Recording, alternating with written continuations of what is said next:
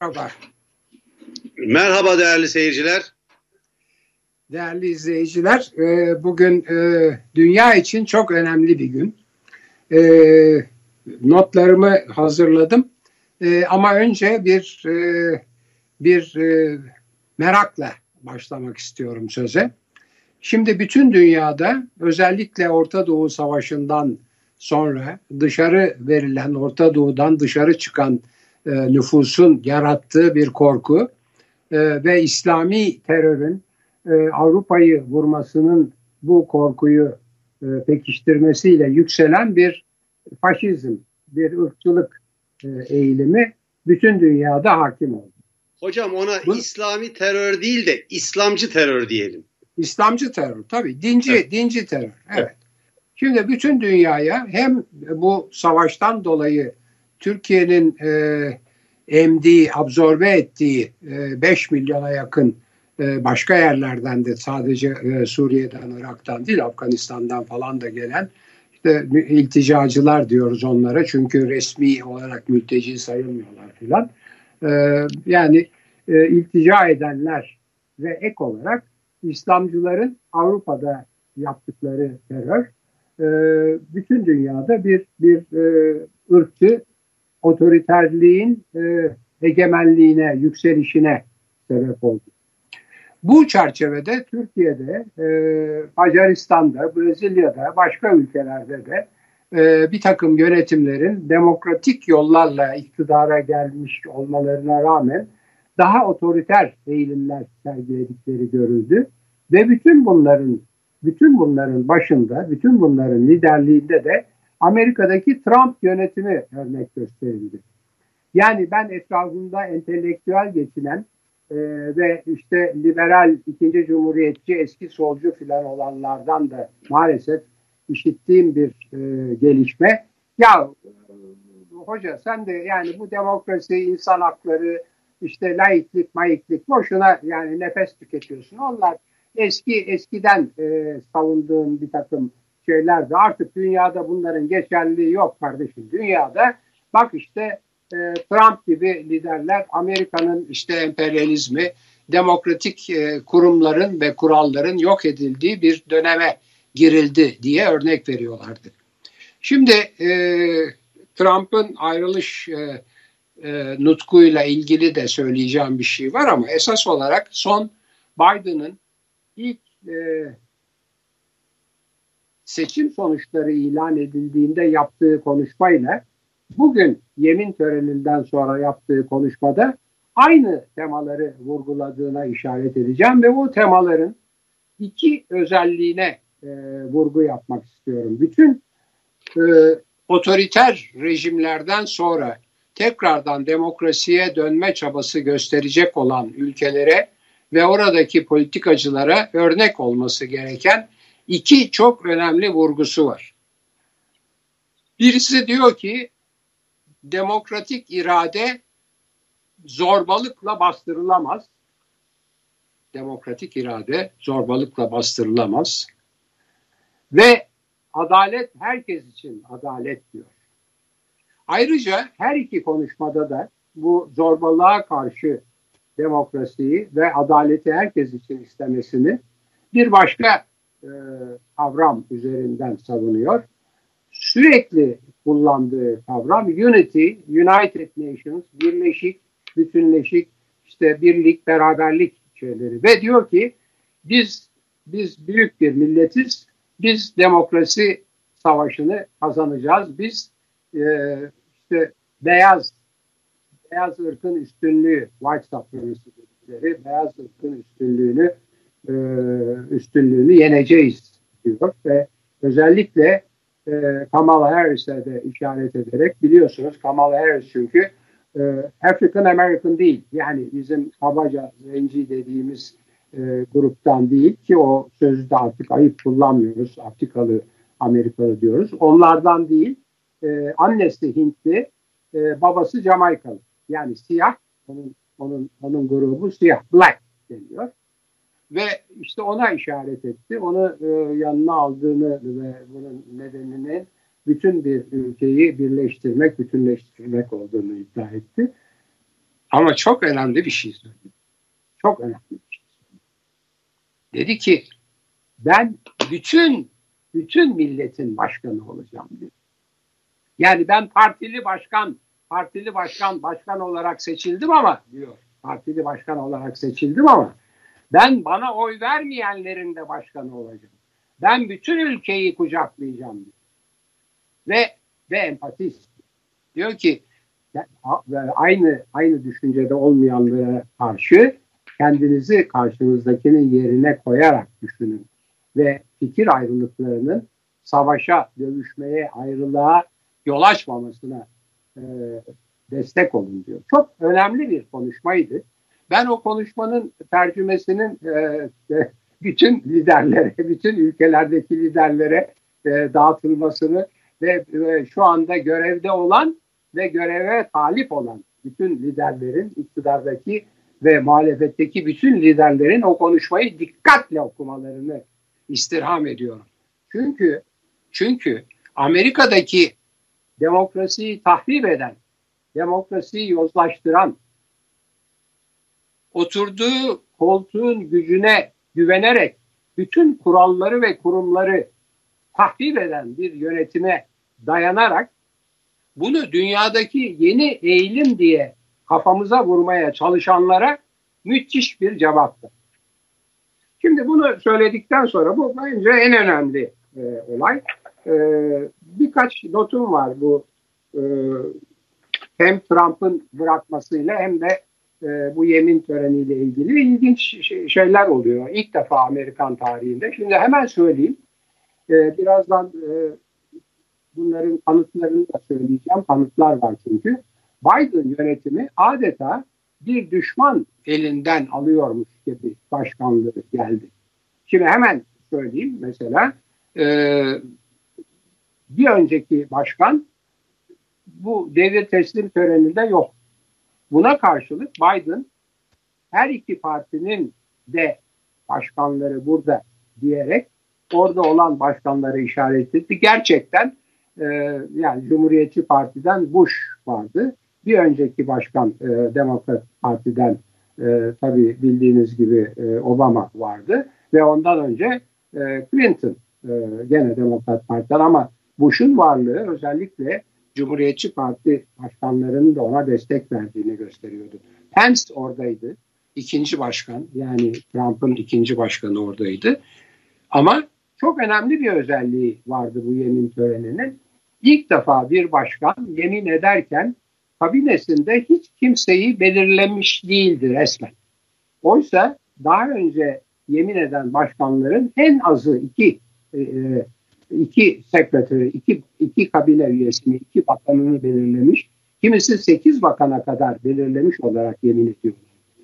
Biliyor musunuz neden? Yorumcular, Amerika'daki en ünlü yorumcular, e, Wolf şunlar bunlar, bunu Trump'ın adamlarının, Trump'ın e, bürokrasideki adamlarının Biden'ın yolunu kesmemesi, Biden'ın atamaları, yapacağı atamaları sabote etmemeleri için gizlendiğini söylüyor. Yani dehşet verici bir şey. E, 25 bin e, 25 bin e, milli muhafız orada. Hayret edeceksiniz. Tabii orası Amerika. Derhal hepsine bakmışlar. 12 tanesi e, bu white supremacy denen beyaz ırkçıların e, adamı olarak görüldüğü için derhal alındı oradan. Böyle şeyler var. Son e, parlamento baskınında yeni açıklanan kayıtlar var. Polislerin baskıncılara yol verdiği görülüyor. Yol veriyorlar. Çünkü orada bak bağırıyor baskını yapan diyor ki biz diyor senin patronunun diyor emriyle geldik buraya diyor. Senin patronun diyor Trump değil mi diyor.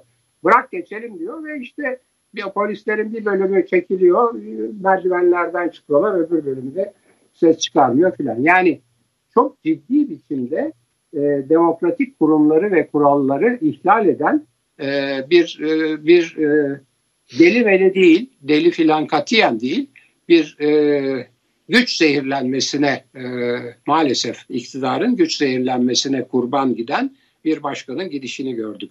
Şimdi çok önemli bir iki şey var, e, bir iki e, simgesel olay var. bu siyah ikinci başkan yeminini ederken kime yemin etti biliyor musunuz? Çok enteresan.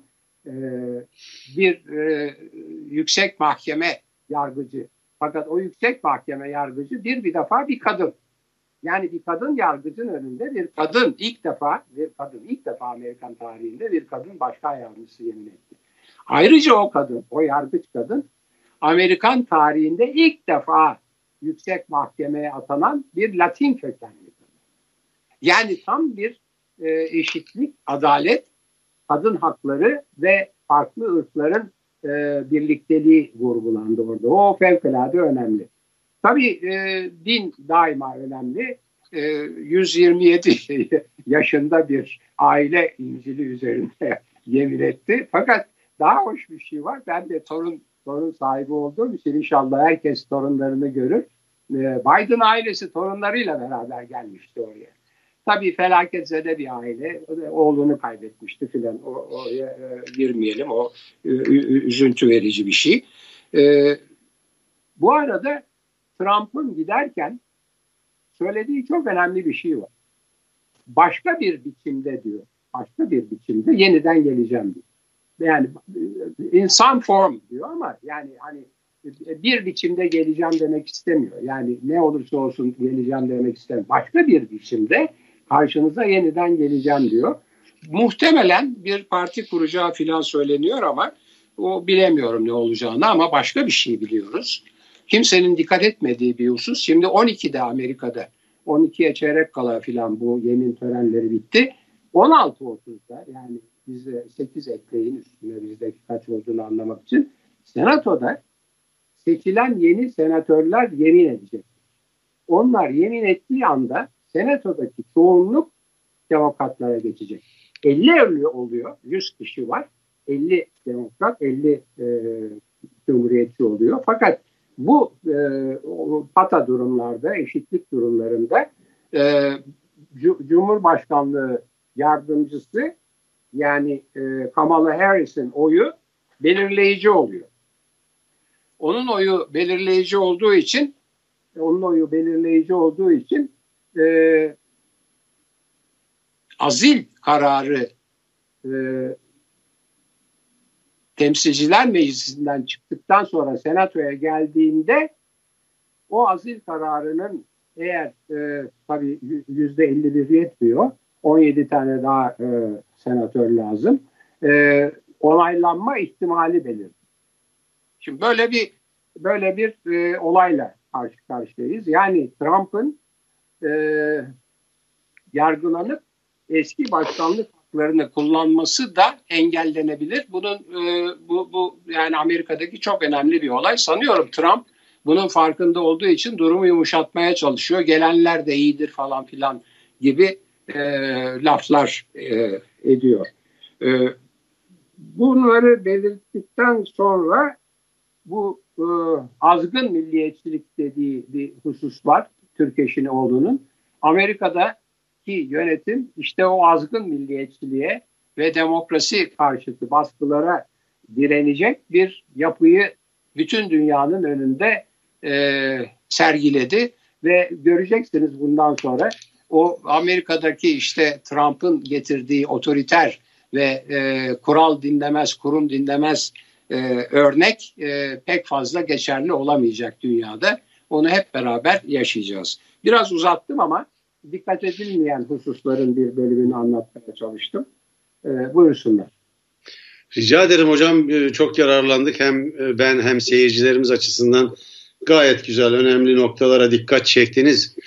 Şimdi ben e, Trump'ın gidişini enteresan buldum. Yani bu ikinci 160 yıl sonra gerçekleşen bir şey. Yani ikinci kez bir devir teslim olmuyor ama Pence oradaydı başkan yardımcısı olarak.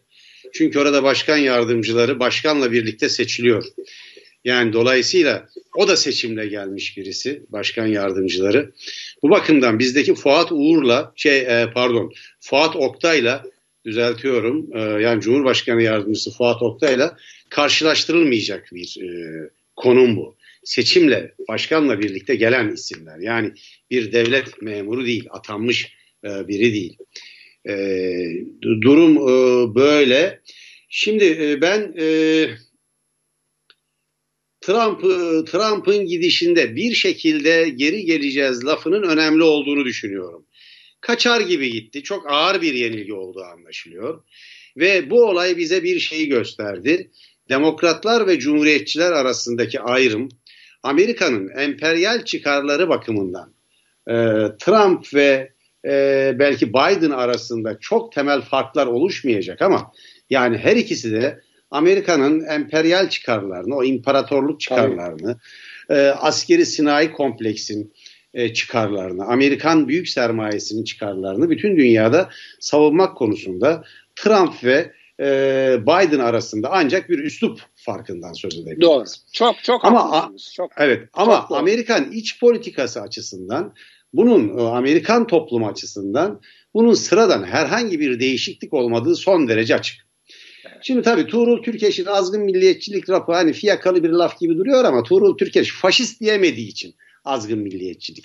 ama güzel. Azgın milliyetçilik güzel faşizmdir. Yani olay bundan ibaret. Çünkü yıllardır faşizmle, faşistlikle suçlanmış bir gelenekten gelince insanın dili varmıyor tabii faşist demeye. Şimdi Trump orada birbirinden kopuk bugüne kadar yerel ırkçı grupları, e, faşizan grupları, evangelist yani kökten dinci e, grupları birleştirerek ulusal ölçekte bir harekete dönüştürdü. Bu çok önemli bir farklılık. Dolayısıyla 70 milyon oy almış bir kişiden söz ediyoruz. Ve e, Biden evet bir farkla kazandı ama bu fark 20 milyon 30 milyonluk bir fark değil. Bunu unutmamak gerekiyor. Yani dünyada yükselen yeni sağ dalga, yeni ırkçı dalga, e, yeni faşist dalganın önemli bir parçası olduğunu düşünüyorum. Şimdi e, Amerika'nın e, hapşırdığında birçok ülkenin bir tür zatürreye yakalandığını düşünürsek eğer Amerika'da bu kadar yaygın bir ırkçı, e, siyah düşmanı, e, aşırı milliyetçi ve faşizan grubun ve dinci grubun e, bulunması önemli bir tehdit diye düşünüyorum. İnsanlığa karşı önemli bir tehdit. Dünyanın en önemli e, gücü, en büyük nükleer gücü, en önemli ekonomik gücü, gerileyen bir güç olmasına karşın. Yani e, dünyanın yükselen yeni güçleri var. Rusya yeniden yükseliyor. Çin'in yükselişini biliyoruz. Hindistan yükseliyor. Yani Avrasya'da yükselen güçler var. Güç mücadelesi Asya Pasifik hattına e, kaymış durumda. E, bunları e, elde tutarak yani akılda tutarak e, bir e, değerlendirme yapmak lazım. Ama geriye geleceğim. E, Trump'ın seçimi kaybetmesi e, Amerikan gericiliğinin, e, Amerikan ırkçılığının, e, Amerika'daki hatta İslamofobik güçlerin ki onlar aynı zamanda e, sadece siyahlara karşı değil, e, İslamcı teröre karşı da değil, Müslümanlara da karşılar. Bunu da görmek lazım. Tıpkı Hindistan'daki şu andaki başbakan gibi. Yani 6. yüzyılda e, yapılmış bir camiyi Hindular yaktılar, yıktılar. Yerine bir Hindu tapınağı yapacak kadar e, e, ne diyelim bir e, e, Müslüman düşmanı. Yani Hindistan'ın %76'sı Hindulardan oluşur ama 200 milyona yakın Müslüman hala Hindistan'da yaşar. Başka etnik ve dini gruplar da var. Dolayısıyla burayı laik yani seküler bir rejim dışında hiçbir biçimde yönetemezsiniz. Trump'ın e, temsil ettiği şey aynı zamanda Hristiyan kökten dinciliğidir. E, aşırı milliyetçiliktir. Faşistlerdir. E, ırkçılardır. Ve beyazlardır. Bunu görmek gerekiyor. Yani Amerika'nın beyazların ülkesi olduğunu söyleyenlerdir. Dolayısıyla Biden'ın kazanması Amerikan demokrasisinin kazanması olarak değerlendirmelidir. Hiçbir fark yok diyemeyiz iç politik bir Amerikan iç politikasından baktığımız zaman. Dolayısıyla Amerika'nın uluslararası yani küresel çıkarlarının savunulması bakımından da temel bir fark olmamakla birlikte yine e, e, Trump ve e, Biden'ın izleyeceği küresel siyasetlere de bu durumun yansıyacağını düşünüyorum. Yani e, Biden Trump'ın tersine otoriter, totaliter rejimleri ve diktatörleri desteklemek konusunda e, Trump kadar istekli, Trump kadar kararlı, Trump kadar e, ne diyelim katı olmayacaktır. Bu kolay değildir. Bunu unutmamak lazım. Ve nitekim e, gelir gelmez e, Türkiye Doğru. dememek lazım ama AKP'nin yönettiği Türkiye için sözde müttefik kavramını kullanmasını buraya bir yere not etmek gerekir. E, Türkiye ya Türk-Amerikan ilişkilerinin sıkıntılı bir döneme girebileceğini AKP yönetimindeki e, bir etabın da açıldığına bakmak lazım. Yani bir Amerikan projesi olarak iktidara gelen bana göre e, AKP'nin e, e, Amerika Birleşik Devletleri ile ilişkilerinde sıkıntılı bir döneme girildiğini görmek lazım. İşte aptal olma, kabadayılık yapma gibi mektuplar yazmak yerine daha e, yaptırıma dönük, daha can yakıcı e, bazı önlemler e, alabilir e, Türkiye açısından. E, gelişmelerden bir tanesi bu. Şimdi siz işaret ettiniz, ben onların üzerinde durmayacağım. Yani konuşmasına e, yani benim e, e, orijinalini de dinlemeye çalıştım. Bu Amerika'nın günü, bu demokrasinin günü diye e, başladı. Bütün Amerikalıların e, günü diye başladı ve yaptığınız vurgu önemli. Bütün Amerikalıların başkanı olacağım dedi. Şimdi e, Meclis Başkanı Mustafa Şentop katıldığı bir televizyon programında evet Cumhurbaşkanı tarafsız değil. E, başkanlık rejimlerinin hiçbirinde bu olmaz dedi. Hayır öyle değil. Hayır öyle değil. E, başkanlık sisteminin dünyadaki en gelişkin ve yerleşik örneği Amerika Birleşik Devletleri. Ya fakat Amerika Birleşik Devletleri'nde başkanlarla partileri arasındaki ilişki gevşek bir ilişkidir. Parti genel başkanı değildir başkanlar. Parti başkanları ayrıdır. Hatta bazı partilerde e, zannediyorum hem Cumhuriyetçi Parti'de hem Demokrat Parti'de artık eş başkanlık da var. Yani iki başkanları var. Dolayısıyla e, partilerinin genel başkanı olmadıkları gibi e, ne diyelim gevşek parti sistemi diyebilir. Yani siyaset bilimi okuyan herkesin bilebileceği bir şeydir. Bize siyasal e, İstanbul yani Siyasal Bilgiler Fakültesinde siyaset bilimi derslerinde e, rejimler anlatılırken e, ve kitaplarda bu özellikle anlatılır. Şu anki öğrenci arkadaşlarımız, genç e, arkadaşlarımız da bunu bilecektir. Mustafa Şentop gibi bir akademisyenin yani profesör ünvanlı bir akademisyenin tabi AKP kökenli bir meclis başkanı olarak tarafsız değil bir yemin sıkıntısı var. Tarafsızlık üzerine yemin ediyor ama tarafsız olmaması son derece normaldir demiyor. Örneğin Amerikan Başkanı Biden kalkıp Cumhuriyetçilere, Cumhuriyetçi Parti'ye pislik, çöplük diyemez. Trump bile demedi ya. Trump bile demedi demokratlar için. Her şeye karşın demedi. Şimdi e, dolayısıyla rekabetçi bir parti başkanlığıyla başkanlığı karıştırmamak lazım. Amerika e, şunu da gördük biz bu Trump'ın ve kongre yani meclis parlamento baskınında göklere çıkartılan Amerikan demokrasisinin aynı zamanda son derece kırılgan olduğunu da gördük. Yani yerleşik, e, geleneksel bir e, güce dayalı e, şey bir geleneğe bir yerli kurumlara düzeltiyorum kurumlara dayalı olması ol, olsa bile öyle zannedilse bile son derece kırılgan olduğunu da gördük. Trump gibi bir başkan bu bütün kurumlarla oynayabildi.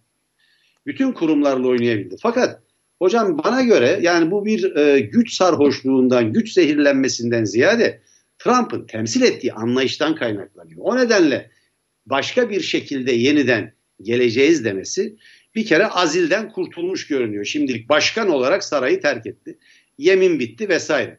Ardından senatodaki, e, senatodaki oylamadan sonra nasıl bir hukuki durum oluşur onu göreceğiz. Ama e, yeniden 5 yıl sonra ya da 4 yıl sonra yeniden bir başkan adayı olur mu olmaz mı bilmiyoruz ama Trump'a göre hani ne diyelim tırnak içinde Trump'a göre daha entelektüel, daha eğitimli, diploması tartışmasız yeni cumhuriyetçi liderler var, senatörler var.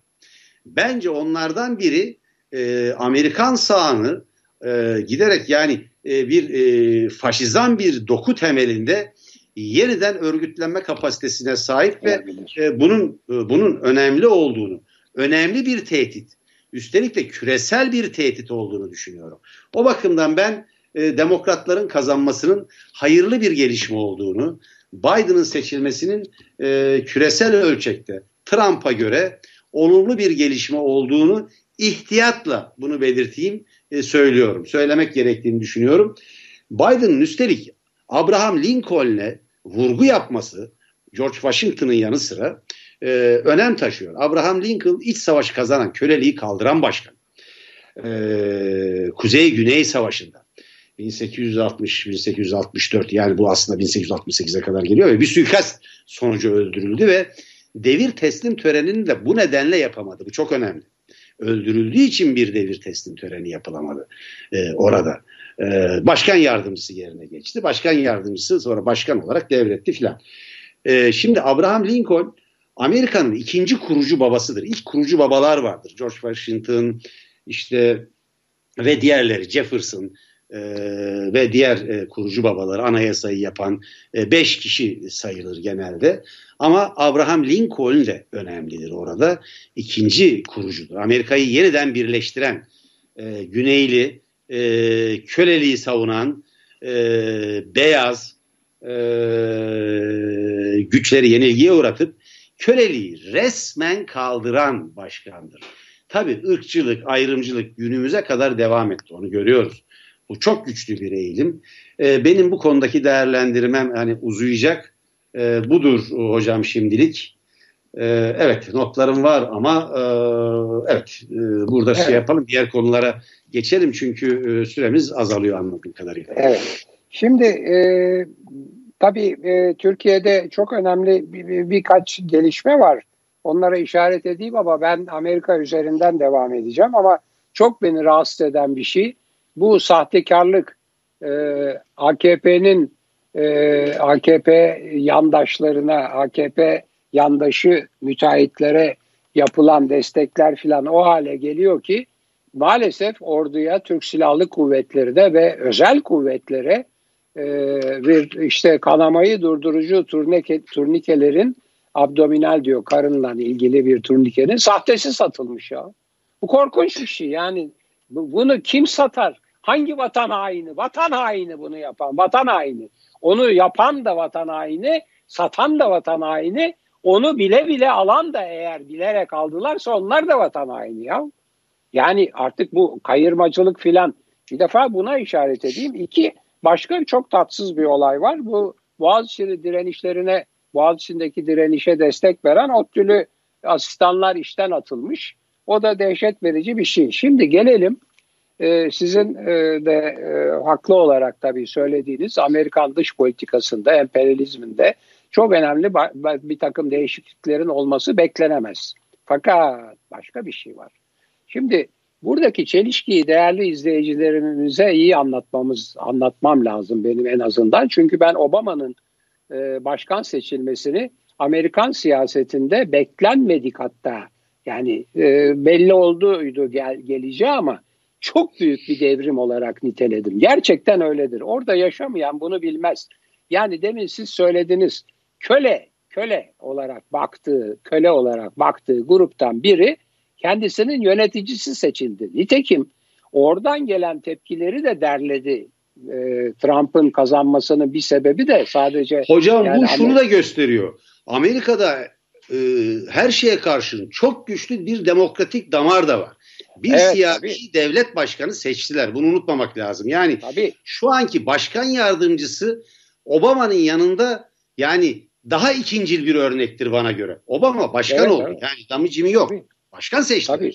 Çok, çok önemli. Çok haklısınız. Çok. Bu inanılmaz bir şeydir. Ben orada öğrenciyken ya kuzeyden yani Michigan'dan aşağı Teksas'taki gösterilere e, insanlar giderdi de orada öldürürlerdi filan onları. Yani o kadar daha hani 1960'larda kölelik devam ediyordu anlayış olarak tabii. Şimdi onun başkan olması müthiş bir şey. Fakat oradan hemen geleceğim. Hatırlayın Obama geldiği zaman ilk Orta Doğu ziyaretinde Türkiye'ye geldiği zaman ne dedi Türkiye'ye? Model ülke dedi. Neyin modeli? Siyasal İslam'ın, ılımlı İslam'ın, Amerikancı İslam. Amerikancı İslam'ın yani kapitalizmin ve neo kapitalizmin, neoliberalizmin ve neo emperyalizmin e, müttefiki olan İslam'ın güya demokratik İslam'ın yani model ülkesi. destekleyenlerden biriydi çünkü o bir Amerikan siyasetiydi. Evet, evet yani yani yani Orta Doğu'daki Arap Baharı denen illüzyonu yaratan ve o Arap Baharı'nın kışa dönüşüp Libya'da, Irak'ta, Suriye'de kan dökülmesine, rejimlerin yıkılmasına, insanların 5 milyon Türkiye'de bunu bu bu projeyi uygulayan Amerika'nın başkanıydı Obama. Yani şimdi Aynen. demin siz de işaret ettiniz. Amerika'nın iç politikası açısından demokratik rejimin kurum ve kurallarıyla işlemesinin başarısı veya demokratik olması başka şey. Amerikan emperyalizminin etkileri başka şey. Çünkü Amerikan emperyalizminin temelinde o sınai askeri e, yapı yatıyor. Sınai askeri yapı e, genellikle o işte beyaz üstünlüğü denen, faşist denen bir e, damardan, bir gelenekten geliyor. Fakat kurucu babalar bunu bildikleri için öyle bir yapı oluşturmuşlar ve öyle bir anayasa yapmışlar ki ona saygı gösterenler demokrasiyi koruyorlar. Bugün Biden'ın çok önemli söylediği bir şey vardı. Bütün otoriter eğilimli lider, liderler onu okusunlar. Anayasaya yemine sadakat diyor. Yemine sadakat. Yemine sadakat. Okuduğu yemine, anayasada okuduğu yemine sadakat, namusu ve şerefi vesaire. Yani o çok üzerine çok yapılan yemin. Evet, İncil evet, üzerine de yapılıyor evet, aynı zamanda. Ve evet ve tabii ve çok önemli bir gelişme tabii e, Secretary of State yani Dışişleri Bakanı olarak atanması beklenen e, Blinken diye bir adamcağız var. Bu Türkiye'yi çok iyi bilen, Türklerin de çok iyi tanıdığı bir adam. E, hem e, bu şey dolayısıyla e, 400'ler e, dolayısıyla Rusya'dan alınan füzeler dolayısıyla S-400. hem de Orta Doğu S-400'ler dolayısıyla hem de e, Orta Doğu politikası bakımından e, çok sıkıntı yaratacak Türk-Amerikan ilişkilerinde. Ona da işaret edeyim. Yani Amerika için içeride iyi olan şey e, dünya açısından ve hele hele Türkiye açısından çok iyi olmayabilir. Evet. Arkadaşlar uyarıyor süre bitti diye hocam. Bir konuya e, işaret edeceğim ve kapatalım. E, yarına bırakalım onu. Şimdi e, polis, MIT ve Türk Silahlı Kuvvetleri arasında yani geçtiğimiz günlerde e, silah devredileceğine dair bir karar evet. çıkardı. E, evet. Erdoğan yönetimi. Yani polis gerekirse Türk Silahlı Kuvvetleri'nden tank isteyecek. Evet. Yani zaten şimdi bakın 28 e, Şubat dönemini hep eleştiriyorlar. Polis özel harekatı adı faili meçhul cinayetlere karışmış, JITEM vesaire gibi e, bir takım yapıları 28 Şubat'ta dağıtıldı. 28 Şubat öyle. Yani işte İslamcı hareketin bastırılmasından falan ibaret, bastırılma çalışılmasından Yok, ibaret tabii. değil. Yapılan ikinci tasarruf polisin elindeki ağır silahlar alındı. Yani çünkü bunların bir tür iç savaşta kullanılma potansiyeline sahip olduğu için zırhlı silahlar. Bunlar yeniden veriliyor. Şimdi Haldun Solmaz Türk'ün ki çok önemli entelektüel bir emekli generaldir. Bir uyarısı var. Bu bir olağanüstü hal hazırlığı. Bir e, bir ne yap e, ne diyelim bir iç savaş e, olasılığının e, gözetildiği bir hazırlık demeye çalışıyor. Şimdi bir buraya mim koymak lazım. İkincisi onun üzerinde biraz daha duralım. Sayın Selçuk Özdağ, Gelecek Partisi Genel Başkan Yardımcısı ve kurucularından AKP'nin eski genel başkan yardımcısı ve AKP'li milletvekilidir kendisi.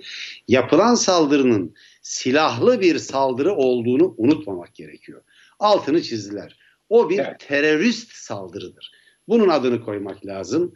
Kalanını yarın konuşalım. Bugün Amerika ile evet. bitirdik. Bir de takıldığım bir şey var. Tak, Takvim gazetesi Sayın Kemal Kılıçdaroğlu'na çöpçüler kralı demiş. O da demiş ki ben çöpçüler kralı değilim ama çöpçülerin dostuyum. Bundan gurur duyarım. Geldikleri yere bakar mısınız? Garip gurabanın temsilcileri, ötekilerin temsilcileri, biz bu toplumun zencileriyiz diyerek gelenler bir muhalefet liderini çöpçüler kralı diye aşağılıyor. Evet, AKP ben... bu AKP'nin yayın organı Takvim gazetesi bütün temizlik işçilerinden, emekçilerinden özür dilemelidir. Ayıptır, terbiyesizliktir bu. Yani insan onuruna bir saldırıdır.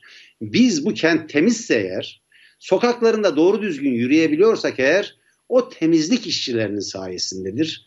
E, utanç verici bir e, e, sözle karşı karşıyayız. Geldikleri yer bu. garip kurabanın, mazlumun, yoksulun temsilcisiz diye gelenlerin e, geldiği yer ana muhalefet partisi liderini çöpçüler kralı diye suçlamak Sayın Kemal Kılıçdaroğlu Kemal Bey çok iyi bir cevap vermiş. Onur duyarım demiş. Onların evet. dostu olmaktan, e, onların arkadaşı olmaktan. Evet, evet aynen, hoşçakalın değerli aynen. seyirciler. Ee, ben de ben de ben de e, değerli temizlik işçileriyle çektirdiğim resimleri Instagram hesabıma koyarak onlara saygımı sunmuş bir birisi olarak kimilerinin elit filan diye e, yani profesör filan olduğum için herhalde veya sakalımdan dolayı veya fularımdan dolayı temizlik işçilerini adlarıyla tanıdığım temizlik işçileriyle fotoğraflar çektirip o fotoğrafları Instagram hesabında gururla dostlarım diye gösterdiğim biri olarak ben de çok alındığımı ve Kemal Bey'in dostu aynen ben de onların dostu olmakla onun söylediği cevaba katıldığımı belirtmek isterim. İyi ki Buradan gündeme Kemal getirdiniz. Sunal'a da bir selam gönderelim ve bitirelim hocam. Onun aynen, Çöpçüler aynen. Kralı filmi çok güzeldir. Doğru. Doğru. Allah rahmet eylesin. Büyük evet. aktördü. Yarın Hoşça görüşmek kalın. üzere.